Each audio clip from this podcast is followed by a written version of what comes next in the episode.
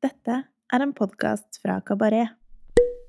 Denne episoden er sponset av leske.no og deres nye egenproduserte alkoholfrie serie som heter Ambitious.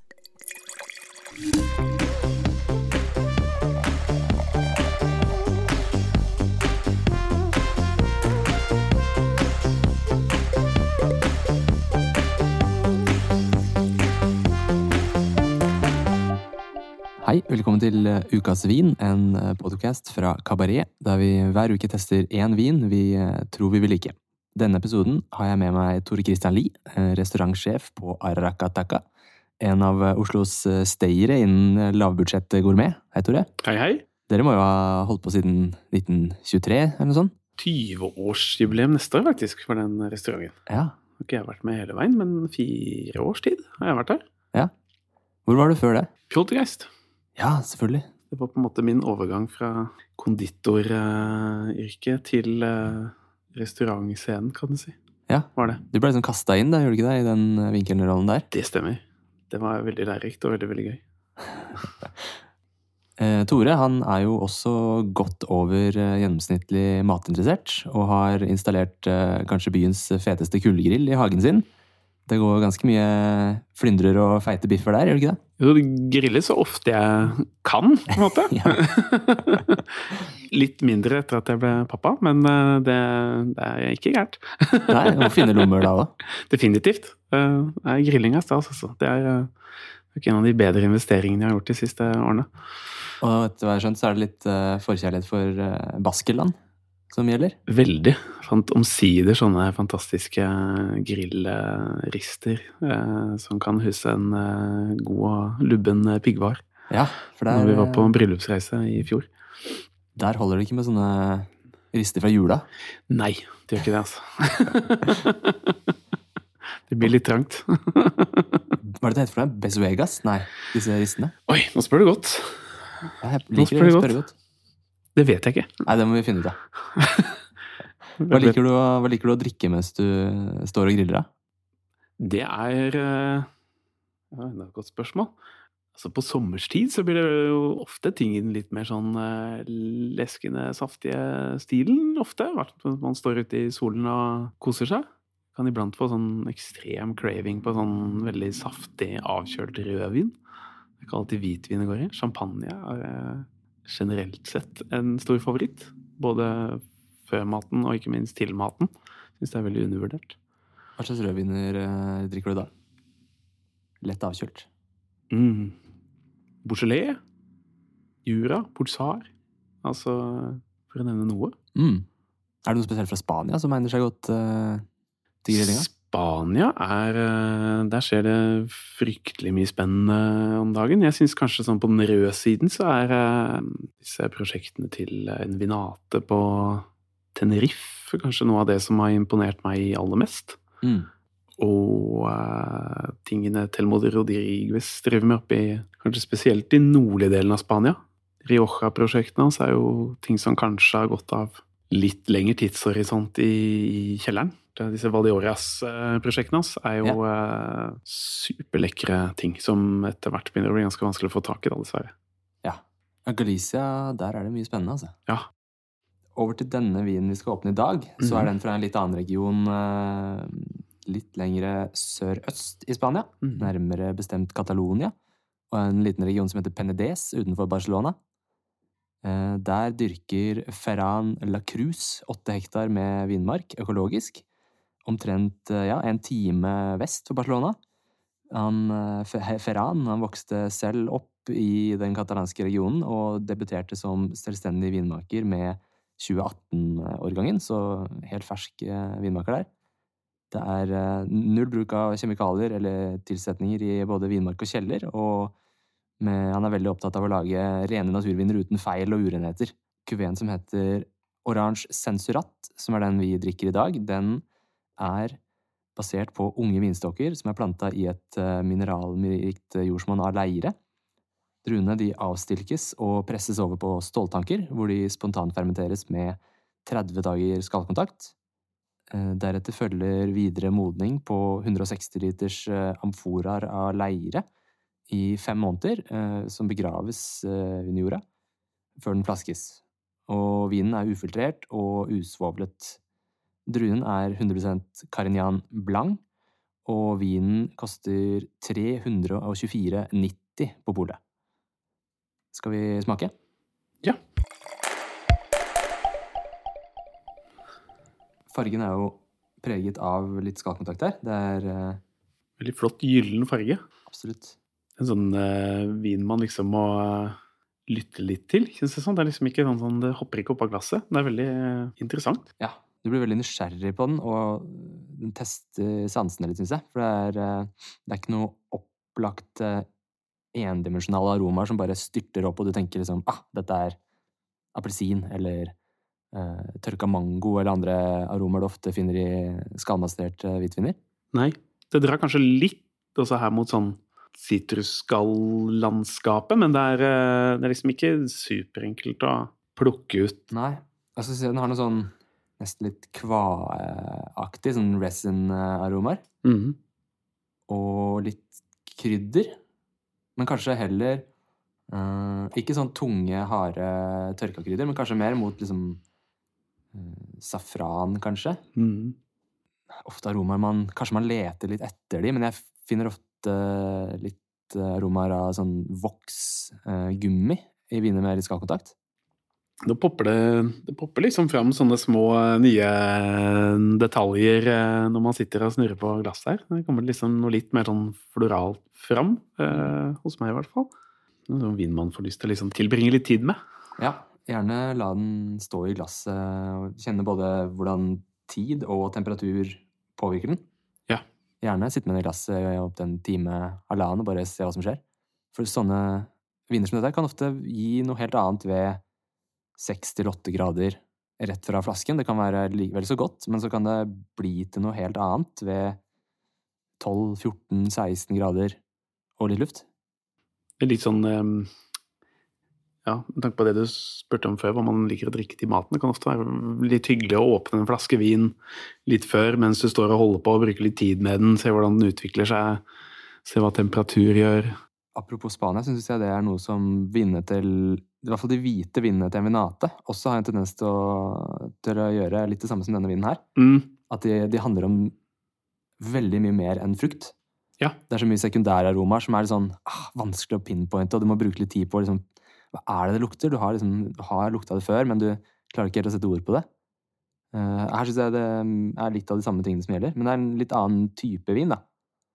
Dette er mer uh, oransje skallkontaktaromaer, eh, selvfølgelig, men det er ganske sånn balansert og diskré skallbruk syns jeg. Ja, det er liksom eh, akkurat nok til å løfte det aromatiske litt og gjøre det litt mer komplekst. Eh, det skal bli spennende å se hvordan det smaker også. Eh, Ja. Tekstur er også en sånn ting som kanskje får litt lite eh, oppmerksomhet når man eh, smaker en, en vin. Ja. Og der har jo oransjevin ganske mye å bidra med. Ja, nettopp der, vil jeg si. Skulle til å si heldigvis veldig syrefrisk. Ja, For det er ofte når du har de luktene som du har her, at vinen kan bli litt sånn flabby og tung. Men her syns jeg det er ganske spenstig syre. selv om vinen i og for seg også er ganske delikat, så sitter den i ganske lenge. Og så er det litt sånn salt, lang finish, syns jeg. Litt sånn eh, du, du sa noe om ren Rene naturviner. Det er kanskje interessant å si noe om. Jeg synes Naturvinsbegrepet er det er sånne ting som er opp, diskutert opp og ned og i mente. da. Men det er egentlig sånn bås som jeg personlig har blitt liksom prøvd å gå litt sånn bort ifra, fordi det er så mange som eh, Kjennes som det på en måte ble en sånn knagg på vin som var skitten og hadde feil, når det egentlig er eh, ja, helt andre ting det dreier seg om. Skjønner du hva jeg mener? Mm. Det beste hadde vært hvis man bare kunne unngå å snakke om det i det hele tatt. At man bare definerte vinen for det den var. Ja, det er på en måte hvor jeg eh, hvert fall et tankesett jeg prøver å følge. Eh, Mm. Ikke ha for mange griller i hodet i forhold til hva som er klassisk eller, eh, eller eh, moderne og natur, og ikke Og mer på en måte smake ting, dømmet dømme det ut fra det det, det, det er, da. Mm. Så har man jo produsenter som, som Lopez Heredia er jo liksom Altså meg bekjent så bruker ikke de mer sulfitt enn det de bruker til å rense fatene med. Det har de vel gjort siden 1877, uten at de har noe typisk naturvinsstempel eller naturvins uh, Profil. Hvis du spør mannen i gata liksom om hva de tenker om den produsenten, så er det vel veldig få som ville satt dem i den båsen. Ja, Og det er jo faren ved å på en måte snevre seg for mye inn på en At man ah, jeg drikker bare naturvin. er jo Man kan gå glipp av ganske mye som ikke profilerer seg som det. Eksakt. Og man kan gå- gå glipp av mye godt. Som kan, de kan godt jobbe økologisk og ha sunne vindmarker og jobbe rent og enkelt i kjelleren, men stempelet de har og tradisjonen de har, tilsier at de er noe annet. Ja. Og det kan, ja, som du sier, kan, du kan gå glipp av veldig, veldig mye spennende om du skal på en måte sette veldig sånn strenge rammer for hva du vil og ikke vil eh, prøve, da. Jeg har på en måte utfordret mange på det, at de sier at jeg skal absolutt ikke ha naturvin. Mm. Og så tar jeg fram noe som er rent og veldig vellaget. Og kanskje en eh, etikett som ikke kommuniserer måten de altså det, det er en etikett som kanskje ikke de vil assosiere med naturvin, som de kaller det. da. Mm. Eh, og de syns jo det er kjempegodt. Ni av ti ganger. Det kan, eh, det kan selvfølgelig gå begge veier. Altså, Ja. Naturvinsfansen kan gå glipp av supre klassiske ting. Ja. Og mens de klassiske tilhengerne kan gå glipp av supre naturviner. ja. Et åpent sinn er for meg eh, for meg veldig viktig møte med vin, da. Det er altfor mye spennende ting der ute til at man eh, kan burde gå glipp av det. Ja. Av en eller annen merkelig grunn så syns jeg det er, apropos eh, Lopez de Heredia, mm. det er noe ved denne som minner meg om de gamle hvite viurebaserte vinene til Lopez de Heredia. Og det er I blindsmaking så har jeg kanskje flere ganger gått i baret når man skal skille mellom skallmastererte hvite viner fra litt varmt klima, men som er lagd liksom med bra håndverk, og litt eldre hvitviner. Det er noen aromer der som går litt sånn på kryss og tvers av hverandre, og som kan gjøre deg litt usikker. Hmm. Den, jeg jeg syns det er noe her som minner meg litt om hvit rioja. Jeg syns ofte de pleier å være preget av nettopp lang modning og altså kanskje smaker mer som en eh, moden hvitvin, hvilket det, hvilket det jo er, da. Eh, med mer sånn nøtter og voks, som du var inne på. Ja, Litt og mindre av de primære, fruktige Og ikke minst den derre sånn primære, om enn subtile parfymen som liksom fins i denne vinen, da, for eksempel. Du nevnte at du fikk en assosiasjon til voks. Det kan hende at Folk har jo litt forskjellige knagger og forskjellige assosiasjoner til ting Ja. som kan linke dem forskjellige steder i vinverden. Mm. Men på smak syns jeg den er eh, Det kunne fort vært en del varme i en sånn type vin, som er lagd i et varmt klima og i denne stilen, men den har 12% alkohol og føles ganske slank og fresh. Veldig. Veldig behagelig alkohol. Veldig, eh, som de, veldig rent og presist. Og den, der, den saltheten er veldig sånn Man får veldig lyst til å sitte og drikke denne, denne vinen. Jeg tipper den er veldig matvennlig. Har du Ja. noe Kanskje grilla piggvar? Kanskje det. Ofte at hell med altså oransjevin, ting med litt skallkontakter, litt sånn vanskelige, litt sånn umami-rike ting som tomat og sånne ting, som kan være litt sånn kinkig eh, Mm. å sette vin til.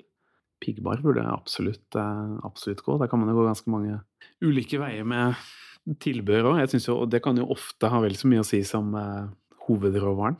Eh, det er veldig gøy å mikromatche ting og sånn, men jeg har blitt mer og mer eh, jo mer interessert jeg har blitt, jo mer avslappet har jeg egentlig blitt. Og selvfølgelig er det veldig gøy å nappe frem noe som liksom, du vet sitter som en kule, men det er også veldig gøy å drikke en vin mens du lager maten, spise litt snacks, øh, følge den litt, og så se litt hvordan det funker med ulike ting. Og så om man er flere, drikke flere ulike viner til samme ting, og se hva som ja, ha et litt sånn åpent sinn der òg. Ikke ta det altfor blodseriøst. Det føler jeg er en, eh, en god trend. At som sommelierer begynner å bli mer opptatt av at man skal bare velge en god flaske du liker. Sett den på bordet. Den kommer til å passe greit til noen ting, topp til andre ting. I hvert fall når man går gjennom en lang smaksmeny og vil ha noe på flaske. Ja. Så Så får man heller være litt ærlig på, på det, så ikke det Ja. blir noen store misforståelser hos, eh, hos gjesten. Men jeg syns ja, drikke noe man syns er godt, og eh, spise noe man syns er godt, er eh, en god, eh, en god ting, syns jeg. Uten at man skal måtte nedvurdere det å finne en eh, perfekt match, for det er selvfølgelig også noe helt eget. det kan selvfølgelig være magisk. Mm. Alt i sin tid. Skal vi eh, prøve å oppsummere denne vinen i, i tre ord? Syns egentlig det passet å si noe om det vi nevnte i sted også, at denne vinen er kanskje ikke sånn Hvis du stikker nesen i glasset du, og smaker den, så vil du kanskje ikke liksom eh, tenke på den som liksom verdens mest komplekse vin. Det er kanskje ikke verdens letteste vin å liksom skrive et sånt to av fire siders eh, smaksnotat med masse forskjellige aromaer osv. Det er en sånn en ganske subtil vin som man liksom må lytte litt til.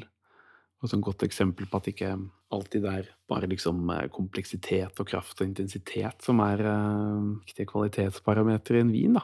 Jeg snakket om i sted at man kunne dra en parallell til kabinett, som også er viner som for meg primært er veldig, veldig gode å drikke. Lagrer du dem lenge, så får du jo liksom et helt annet dyr. Men uh, når, det er, når, det er, ferskt, så er det liksom Det bare Det sklir ned farlig, farlig fort, da. Samtidig som det er litt kraftpakke også? Ja. Og pent prisa? Cedric Bouchard sa faktisk noe om ja, sin enkleste i gåseøyne, Valvilla. At det er en Hvis folk kan drikke den vinen og snakke om noe annet, så er jeg veldig fornøyd. Så han vil at folk skal drikke vinen, og det er veldig ironisk nok ganske lett å glemme når man sitter og skal dissekere en vin. Da. Det kan bli litt for uh, dissekerende og litt for uh, Hva skal man si? Uh, analytisk. analytisk. Og for meg er på en måte nerve og magefølelse og hjerte i en vin minst like viktig. Godt poeng. Skal vi prøve å oppsummere vinen i, i tre ord før vi avslutter? Her syns jeg i hvert fall salt er en Er du enig? Ja, helt klart. Det er flere enn ett ord, men elegant bruk av skallkontakt. Mm. Det gir den liksom akkurat det derre Jeg syns også den er ganske særpreget.